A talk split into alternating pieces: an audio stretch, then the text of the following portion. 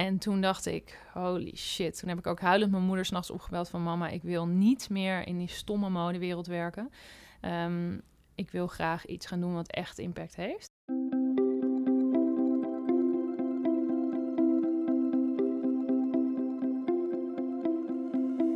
Dit is Het Groene Hart van. De podcast van Happiness and Growth Thinkers, waarin we op zoek gaan naar het groene hart van onze gasten. Een gesprek met Willa Stoutenbeek, oprichter van duurzaam branding en communicatiebureau W Green, over hoe ervaringen in de mode-industrie haar aan het denken zetten, haar rebelse karakter haar drive voor een duurzame wereld versterkte en hoe oneenigheid om een fast fashion keten in Parijs een verrassend einde kreeg. Deze podcast is mogelijk gemaakt door Pyramide Thee. Thee van pure biologische oorsprong. Willa Stoutenbeek, welkom in deze podcast. Het groene hart van. Fijn dat je er bent. Uh, wat ik uh, zo tof aan jou vind, is uh, dat je echt een mooie passie hebt, een drive, dat je echt een, een, groen hart hebt wat gaat. Waar komt dat bij jou vandaan? Hoe, ja, wat zit daarachter? Ja, dat is wel een goede vraag. Dat vraag ik mezelf ook wel eens af. Um, ik denk een beetje tweeledig. Um, ik heb ook een hele tijd dat helemaal niet gehad, of misschien juist wel het tegenovergestelde. En ik denk als ik heel ver terug ga, dan was ik altijd wel in ieder geval een soort rebel. Dat is denk ik wel hetgene wat mij echt uh, op school en zo, dat het uh, onderscheiden van de rest is, dat ik eigenlijk altijd heel erg tegen draads was.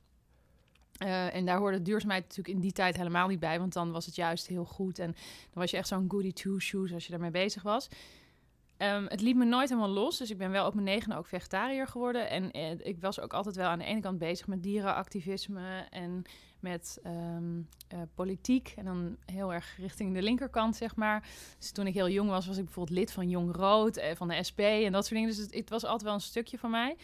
Uh, nog een tijdje in een punkband gezeten ook. Dus helemaal anarchistisch. En, um, maar ook vrij rebels. En op een gegeven moment merkte ik dat ik, uh, nou, dat ik me heel erg moest aanpassen om, om in de maatschappij toch mee te doen.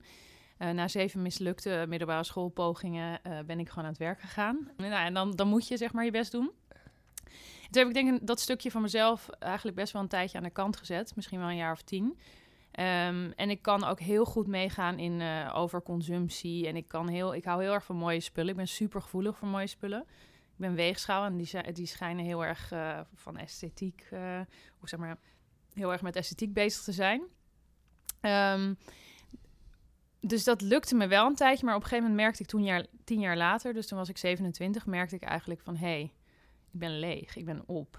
En waar komt dat dan door? En toen ging ik eigenlijk weer zeg maar, dieper bij mezelf te raden. En toen um, uh, ben ik naar een, uh, een eco-resort in Brazilië gegaan. En er was geen stroom en er was eigenlijk helemaal niks. Wel heel veel mooie natuur om je heen.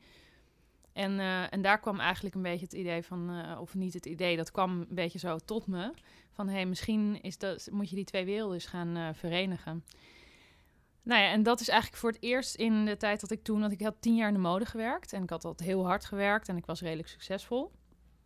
En dat was eigenlijk voor het eerst dat ik ook stil ging staan bij productieprocessen en, en wat de andere kant van de mode uh, inhield. Toen ik me eigenlijk ging verdiepen in die achterkant van de mode, want daar is het eigenlijk een beetje begonnen. Um, toen kwam ik erachter dat het echt zo'n ontzettende verschrikkelijke beerput was. Toen werd ik zo boos. Um, en ook zo verdrietig. En toen had ik echt zoiets oké, okay, hier moet iets aan veranderen. En dat is een soort vuur wat, uh, wat nooit gedoofd is. Nee. En waar ik nu al zeven jaar in ieder geval uh, mijn strijd voor voer. Maar ik probeer dat zeg maar aan de buitenkant wel heel erg te doen op een motiverende en inspirerende manier omdat ik denk dat met het vingertje wijzen en zo, dat heel veel mensen daar helemaal geen behoefte aan hebben. En dat dat juist misschien ook averechts werkt. Dat is in ieder geval wat ik weet op mezelf werkt dat heel erg averechts. Ik word daar alleen maar recalcitranter van. Als iemand mij vertelt wat ik wel of niet moet doen. Dus ik probeer gewoon heel erg te laten zien, weet je, hoe het leuk kan zijn, hoe het interessant kan zijn en hoe het een hele toffe uitdaging kan zijn uh, die je heel veel geeft. En dat je daardoor eigenlijk ook minder spullen nodig hebt. Ja. Wat was die spark, uh, of wat was het, het eerste momentje dat je daarmee in aanraking kwam met, dat, uh, met die fashion industry en dat je dacht van, dit wil ik, hier wil ik iets aan doen? Ja, ik ben, er ik ben er zeg maar letterlijk in de mode opgegroeid, want mijn ouders die werkten alle twee in de mode. En mijn vader komt zelfs uit een gezin wat uh, al sinds 1800 zoveel uh, luxe damesmodehuizen had. Dus ik ben letterlijk, zeg maar, in de mode opgegroeid. Um, dus ik zag heel lang altijd de goede kant. Ik weet wel dat zeg maar, die hele mooie kant die heel veel mensen ontdekken aan mode, dan tussen haakjes of kleding, of zeg maar de, de, de vorm van expressie en alle glamour die eromheen zit. Dat heb ik altijd al wel met in een bepaald perspectief kunnen zien, omdat ik juist, omdat het juist bij ons zo normaal was thuis, dat we daar ook niet heel erg mee bezig waren. Dus het was belangrijk om er leuk uit te zien en om het leuk, weet je, het werd aangemoedigd om er anders uit te zien, om je het uh, uit te drukken via kleding. Maar het werd nooit gezien als iets echt belangrijks. We, we, we, mijn moeder en mijn vader verdienden hun geld daarmee, maar dat was het dan ook wel. Ehm, dus er zat ook, het was eh, dat hele oppervlakkige of zo, dat, dat hadden we dan thuis niet. Ehm, maar tegelijkertijd uh, hadden zij denk ik ook alle twee helemaal geen idee wat, er, wat de misstanden waren en de lelijke achterkant. Um, en eerlijk gezegd, mijn vader was wel altijd vroeger, weet ik nog wel, toen H&M bijvoorbeeld opkwam, toen zei hij altijd al, je moet niet bij H&M kopen, die maakt de hele mode-industrie kapot. En toen dacht ik altijd, ach man, loop toch niet zo te, te zeuren.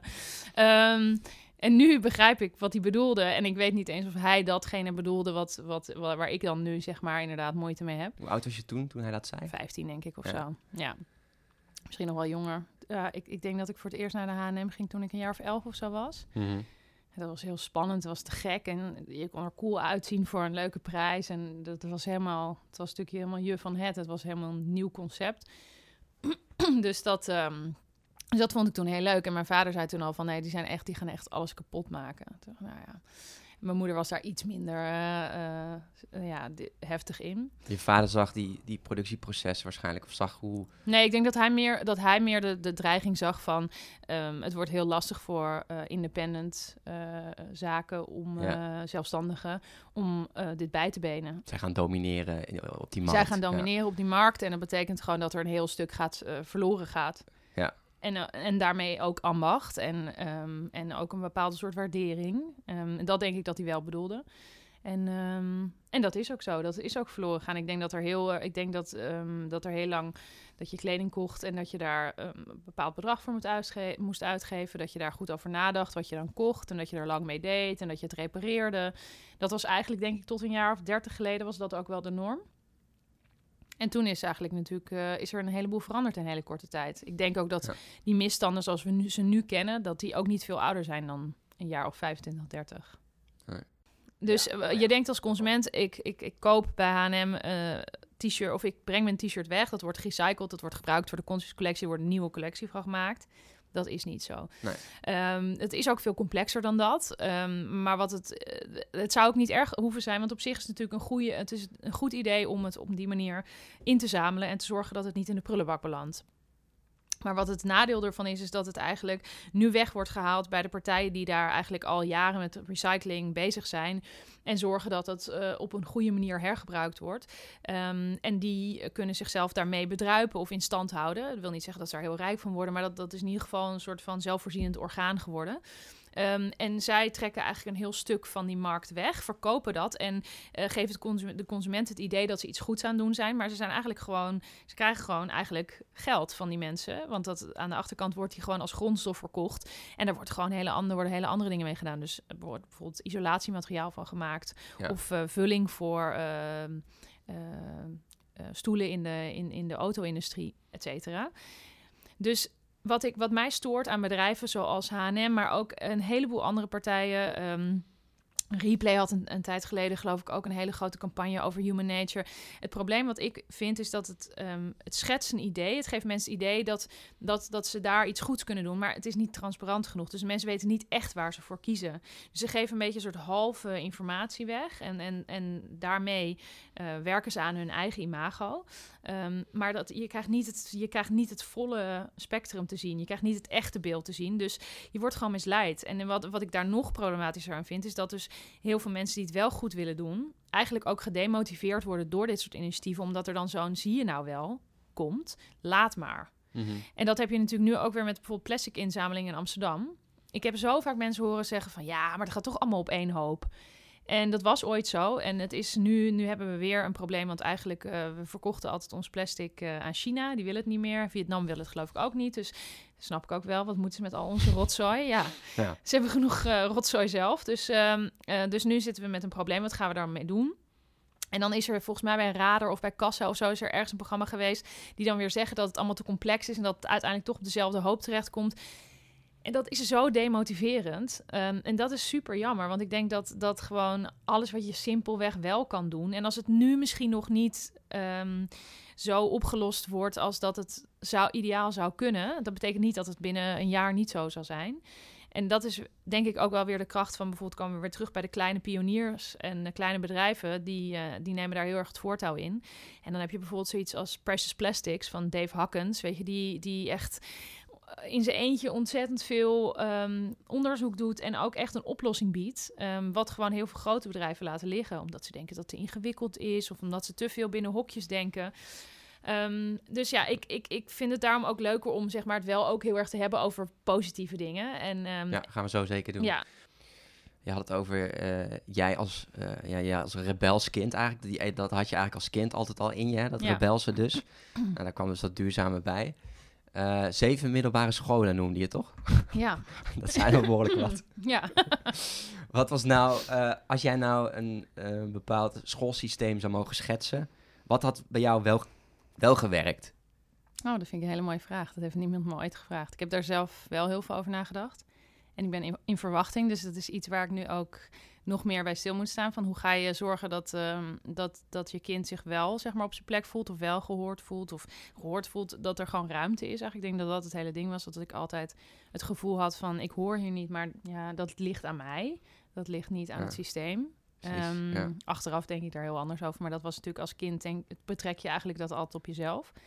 Ehm, ja, nee, dus ik denk dat, ehm, dat het probleem eigenlijk was... is dat de focus te veel lag op hetgene waar je niet goed in was... in plaats van uh, hetgene waar je wel goed in bent. Ja, dus dat was gewoon heel lang een soort van uh, proces... waar ik gewoon heel erg met mezelf uh, struggelde. En op het moment dat ik dat losliet of los kon laten... omdat, ze, omdat ik toen van school afging... toen, eh, ja, toen gebeurde er eigenlijk iets eh, iets heel erg te geks. Namelijk dat er dus wel ruimte voor me was. En zelfs heel veel ruimte voor me was. En dat er, dat er eigenlijk was ik binnen no time heel succesvol. En al mijn vrienden die waren nog aan het studeren. En ik had gewoon, uh, ik kocht mijn eerste huis. En ik had een heel goed inkomen. En ik vloog de hele wereld over, niet zo duurzaam. Ik kocht ook heel veel spullen, ook niet zo duurzaam. Ik heb heel weinig gespaard, maar ik heb wel echt... Was je toen minder bewust van, natuurlijk? Ja, daar was ik me helemaal niet bewust van. Nee, nee dat was ook alleen maar iets positiefs. Het was in de tijd van de Sex in the City uh, voorbeelden en, en rijen schoenen. En dat was een, dat was een goed iets. Weet ja. je wel, het liefst woon je in een heel klein huis helemaal volgepropt met spullen. Dat was, dat was het ideaalbeeld, zeg maar. Um, ja. ja, en dat, dat, zo heb ik ook een tijd geleefd. Uh, en, maar ik merkte ook dat dat me ook niks deed. Dat, of me ook niks bracht. Dus ik, mensen om me heen vonden dat allemaal heel indrukwekkend. En ik zelf merkte dat dat eigenlijk me steeds meer tegen ging staan. Mm -hmm. En kun je nu zeggen wat dat was? Wat dat was? Wat je, uh, ja, wat je tegen ging staan? Nou ja, ik denk gewoon dat...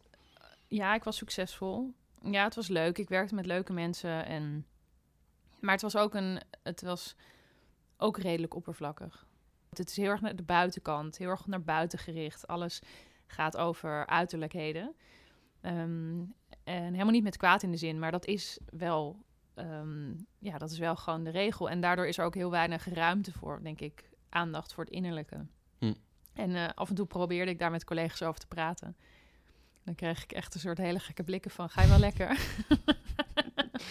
en uh, ja, en toen merkte ik op een gegeven moment dat dat me steeds meer tegen ging staan. Dat ik dacht, ja oké, okay, dus dit stuk van mezelf is nu heel erg ontwikkeld. Ja. Maar ik mis gewoon een heel stuk. Ja.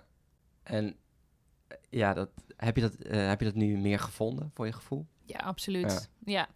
Ik uh, heb dus bijna acht jaar geleden besloten om, om inderdaad die twee werelden bij elkaar te brengen voor mezelf. Dus ik dacht, wat ga ik doen? Um, ik had al best wel veel sollicitaties gehad. Met het bedrijf waar ik voor werkte ging failliet. Ik zat eigenlijk in een burn-out. Ben toen naar Brazilië gegaan en ik heb in de tussentijd nog een aantal sollicitaties bij hele grote modehuizen gehad. En ik zat altijd bij de laatste twee. En een van de grappige dingen die ik me nu nog heel goed herinner, wat iemand zei tegen mij, die zei: Jij moet hier niet willen werken. Je kan het wel, maar je wordt er niet gelukkig van. Want je stelt te veel vragen. Je hebt te veel een eigen mening. En hier, hetgene wat wij willen is gewoon... we krijgen uit Amerika te horen wat we moeten doen. En jij moet dat gewoon uitvoeren. En dat ben jij niet. en daar was ik toen heel boos over. Want ik dacht, hallo, uh, wat denk je wel niet? En nu denk ik, je had gelijk. Ja. en het grappige is, hij is zelf nu ook de duurzaamheid ingedoken. Dus ik kwam hem laatst weer tegen, toen vertelde ik hem dat. En dat dat indruk had gemaakt. Hij wist het natuurlijk niet meer. Maar eh, ja, en toen, en toen had ik eigenlijk zoiets, oké, wat ga ik dan wel doen? Ja. Ehm, en ik was zelf eigenlijk in de jaren daaraan voorafgaand... was ik met yoga begonnen. Ik was heel erg bezig met duurzame voeding. Ehm, ehm, ja, eigenlijk gewoon op, op zeg maar, waar je begint als je met duurzaamheid in aanraking komt. Dat het gaat volgens mij altijd, begin je bij, bij eten. Dat is denk ik het eerste makkelijke stukje. Hm. Nou ja, dan ging ik eh, in huis eh, de, een, waterbesparende douchekop installeren. En de verwarming wat lager. En minder spullen kopen. Nou, allemaal dat soort hele simpele dingen. En toen merkte ik eigenlijk dat, ehm, ja, dat ik dat eigenlijk ook wel in mijn werk zou willen. Dus toen dacht ik, nou ja, wat zijn er voor toch voor merken? Dus toen had je bijvoorbeeld een Tony Chocoloni en volgens mij was Dopper net begonnen. Een paar van de jongens die nu heel gevestigd zijn. Die bestonden allemaal nog uit een soort van twee medewerkers. Dus die zeiden, ja, hartstikke leuk, maar marketingmanager, ja, zitten wij niet op te wachten. En toen dacht ik op een gegeven moment, oké, maar wat dan wel? En toen kwam ik eigenlijk een, ehm, in aanraking met duurzame mode. En toen viel me iets op. Eh, kwam ik een aantal hele leuke merken tegen die een waanzinnig goed verhaal hadden. En een hele mooie missie. Maar die absoluut het stukje miste eh, waarmee ze dan eigenlijk ook hun product aan de man konden brengen. In mijn, in mijn idee dan. Ik had het gevoel van, ze zijn zo bezig met ehm, het intrinsieke, het innerlijke, het naar binnen kijken. Zorgen dat alles in de keten klopt. Zorgen dat de materialen kloppen. Dat gewoon echt elk knoopje, alles helemaal klopt aan het verhaal. En ook het productieproces. En vervolgens ehm, is het klaar. En dan denken ze, hé, hey, nou ja, nu komen ze allemaal wel. Maar ja, dan komen ze natuurlijk helemaal niet. Nee. Dus, eh, dus daar zag ik een grote kans. Want het waren allemaal hele, ja, een beetje knullige websites, knullige foto's. Ehm, het verhaal werd niet sterk genoeg verteld. En toen dacht ik, hé, hey, maar dat is precies hetgene wat ik ken. En waarom zou ik dat dan niet gaan doen voor, de, voor die merken en die bedrijven die eigenlijk precies dezelfde insteek hebben als ik. En, Mhm. en die echt iets goeds willen doen. Ehm, en die kunnen denk ik die hulp wel gebruiken. Dus dat ben ik toen eh, gaan doen. En dat eh, doe ik nog steeds. En dat is denk ik een van de beste beslissingen die ik ooit heb gemaakt. W Green W Agency. Green, Ja. yes. En de dat, toekomst is natuurlijk dat het eh, allemaal, ehm, dat steeds meer mensen, dat er meer bewustzijn komt, steeds Ja. meer mensen naar gaan kijken, naar zoeken, naar Ja. duurzame merken. Eh, en eh, ik denk, ja, dat eh, als je het over het groene hart hebt, dat die toekomst er voor jou eh, ook beter uitziet in die zin. Omdat het nu nog, je misschien nu nog een beetje, maar ik denk dat je ook wel merkt dat het steeds meer Ja, absoluut. Leeft. En ik vraag me heel erg af. Ik denk dat de consument zich moet realiseren hoe groot hun impact daarin kan zijn. Dus ik zou ook willen zeggen altijd, vergeet niet dat, ehm, weet je wel, kijk maar naar een heel goed voorbeeld. Hoe lang geleden is het? Denk ik 15, 20 jaar geleden hadden wij denk ik allemaal een Nokia. Nou, wie Mhm. ken jij nog met een Nokia? weinig. Ja, en ehm, misschien dat straks Nokia weer terugkomt, omdat het juist hè, weer als misschien tegenreactie op, eh, op, op de smartphone met alles erop en eraan. Maar we hebben zo ontzettend veel macht als consument. om eh, op het moment dat wij en masse besluiten dat we dingen niet meer willen, dan is het morgen bij wijze van spreken allemaal anders. Want uiteindelijk zijn ehm, de bedrijven veel afhankelijker van ons en van ons geld en, ons, en de inkomsten die wij voor ze genereren, in plaats van andersom. Ja. Wij hebben de keuze en we hebben heel veel keuze, soms misschien te veel keus. Ehm, maar wij hebben dus eigenlijk echt ontzettend veel macht. En ik denk dat heel veel mensen onderschatten hoe, hoe groot die macht eigenlijk is die bij ons ligt. Ja. Maar eh, ik denk wel dat het bedrijfsleven ook echt zijn verantwoordelijkheden moet nemen. Dus ik wil niet zeggen dat, eh, dat we moeten wachten tot de consument eh, iets anders gaat doen. Want de consument is zich ook van heel veel dingen niet bewust. En ehm, gaat mee in de stroom en is, is gewend geraakt aan een, een, een stukje kip voor 70 euro en een, een t-shirt voor 5 euro. Dat is de norm. En, en dat gaat wel, denk ik, ook redelijk wat effort van ons allemaal ehm, vragen om dat weer om te keren. Omdat dat, dat is een bepaalde, dat is eigenlijk een psychologische. ehm, ja, eh, is een soort echt een, een gedragsverandering die je teweeg moet brengen. En dat is Mhm. wel echt ingewikkeld. is er een hele mooie quote op Twitter. Remember when you wanted what you currently have. Ja. Waar denk jij dan nu aan? Iets wat je ooit wilde, wat je nu wel hebt. Ja, nou, oh, dan word ik. eh, ik ben zo'n soort van zakker voor dit soort dingen. Dan word ik meteen emotioneel. oh, was ik, kon ik maar zeggen dat het de zwangerschap was, maar dat is het niet alleen, helaas. Ehm, het groene hart. En de, ja, de, ja. en ook gewoon een soort van toch het hele kleine villaatje wat er ergens uh, onder schuilt. Ehm, nou, wat ik altijd heel graag wilde was een gezin. Dus dat is onderweg. Ja. Ehm, Fantastisch. Ja.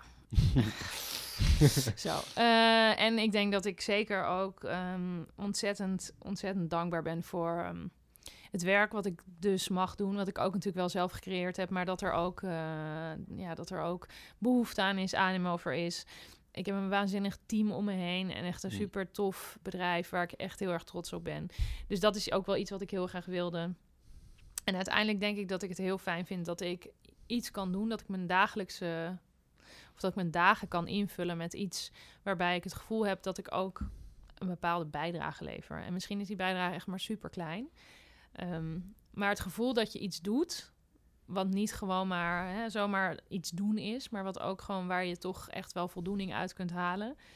Misschien is het heel egoïstisch, weet ik niet. Maar dat, dat, dat vind ik ook wel heel erg fijn. Dat ik gewoon zoiets heb van ja. En, en ik kan me ook niet voorstellen dat dat er op een gegeven moment niet meer is. Nee. Als in, ik, dat, dat gaat nu al acht jaar zo. Dus ik denk dat dat ook wel zo zal blijven gaan. En het ontwikkelt zich ook heel mooi en organisch. Dus, uh... Ik kan in ieder geval zeggen dat, dat datgene wat je doet, dat dat niet egoïstisch is. Ik vond het ook wel grappig, die, uh, ja, dat verhaal wat je vertelde over die... Um, op een gegeven moment stond je met je vriendinnen volgens mij ook. Dat was een moment dat je echt had gekozen van ik loop die H&M niet meer binnen. Ja, nee, dat was de Forever 21. Oh ja, Forever 21, ja. Kun je dat nog eens vertellen hoe dat ging? Dat is een grappig verhaal. Ja, we waren in Parijs. Uh, ik weet niet of ze het gaat luisteren, maar ik zal er vertellen dat ze moet luisteren. Maar ze, ik was in Parijs voor de verjaardag van een vriendin van mij. En we waren denk ik met z'n vijven, als ik het goed heb. Ja, en um, dus hij had ons uitgenodigd. We zaten in een heel mooi hotel, super fijn. En ze vroeg waar gaan we vanochtend ontbijten. Dus ik had een hele leuke, duurzame plek uitgekozen. Nou, daar was iedereen al een beetje soort van, duurde allemaal iets te lang. Was allemaal iets te duur natuurlijk, hè, want duurzaam. Maar toen zaten we daar te, te eten. En toen zei ze op een gegeven moment van, uh, ja, we gaan zo naar de Forever 21. Want die was nog niet in Amsterdam. Heel veel dingen waren toen nog niet in Amsterdam, die er nu wel zijn. En, um, en toen zei ik, oké, nou goed, dan zie ik jullie zo uh, over uh, half uurtje. Bel maar als je, of stuur maar een berichtje als je daar weggaat. Dan um, zie ik jullie, uh, ga ik even parken in of even ergens een koffietje halen whatever. En die vriendin van mij, die heeft een vrij uitgesproken mening, net als ik. Dus dat, we kunnen elkaar altijd goed aan. En die zei echt, nou, doe niet zo flauw. Het is mijn verjaardag en ik heb je uitgenodigd, dus ga gewoon mee. Uh, partypoeper, weet je wel, basically zoiets. Ik zei, nou, nee, maar weet je, no worries. Ik, ik zie jullie meteen daarna. Ik, ga die, ik hoef die winkel niet in, maar ik zie jullie, ik wacht wel om de hoek. Ik, weet je wel, Parijs, dus overal iets leuks te zien. Dus ik zie jullie gewoon meteen. Nou, doe nou niet zo flauw. En uh, ik vind het gewoon leuk als je meegaat en uh, bla, bla, bla. En op een gegeven moment, ze bleef duwen en ik bleef, probeerde beleefd, omdat ik ook niet meteen haar geluk kapot wilde maken. Weet je, had zoiets van, als jij daar blij van wordt, weet je, go for it. En op een gegeven moment raakte ze een soort snaar in mij, want zij zelf van Surinaamse afkomst, is ontzettende empowered vrouw, weet je, als is ontzettend, uh, weet je, als staat ook altijd tegen onrecht op en, en, en weet je wel, wil altijd uh, goede... Um, een soort van, uh, um, hoe noem je dat? ze wil ook altijd heel graag de andere kant laten zien. En toen zei ik op een gegeven moment, ik zeg, ik begrijp niet dat jij met jouw visie op het leven en met um, je, je afkomst en, en, en je trots daarin, dat jij bij wilt dragen aan moderne slavernij. Daar kan ik met mijn hoofd niet bij. En toen keek ze me zo aan en zei ik, ja, ik zeg, dat vind ik echt een bizar gegeven. En eigenlijk iedereen hier aan tafel. Ik zeg, ik begrijp dat niet. Ik zeg, volgens mij zijn we hier allemaal heel erg blij dat, weet je, dat we niet meer te maken hebben met slavernij. Um, uh, en, en vervolgens houden we dat aan de andere kant van de wereld in stand. En ik zei dit net zoals dat ik net emotioneel werd met tranen in mijn ogen. En ik zag die hele tafel en iedereen kreeg tranen in zijn ogen. En ze had echt zoiets van: Oké, nou, uh, we gaan wel niet. Ik zei: Nou, dat is helemaal niet wat ik wil doen. Maar, maar dwing mij niet om daarmee naar de wind te gaan. Ik wil daar niet zijn. Ik wil daar niet. Ik wil niet meegenomen worden in die wereld. Ik wil dat niet meer. En uh, nou, uiteindelijk natuurlijk zo als een soort vrouwenfilm, een soort rom romcom moment. Omhelzen. Gingen we omhelzen door elkaar en zijn we met z'n allen het park ingegaan. En hebben we een ontzettend leuke middag gehad. Juist omdat we niet met, met consumptie bezig gaan, maar met elkaar. Ja, je brak wel echt iets, open, iets goeds open dus daar. In die groep ook. Ja. Ja, ja dat denk ik wel. Maar dat was helemaal wat ik wilde eigenlijk. In eerste instantie dacht ik, ik ga je niet ehm, belasten met mijn, weet je, met mijn soort van kijk op de wereld. Ik bedoel, ze wist dat wel.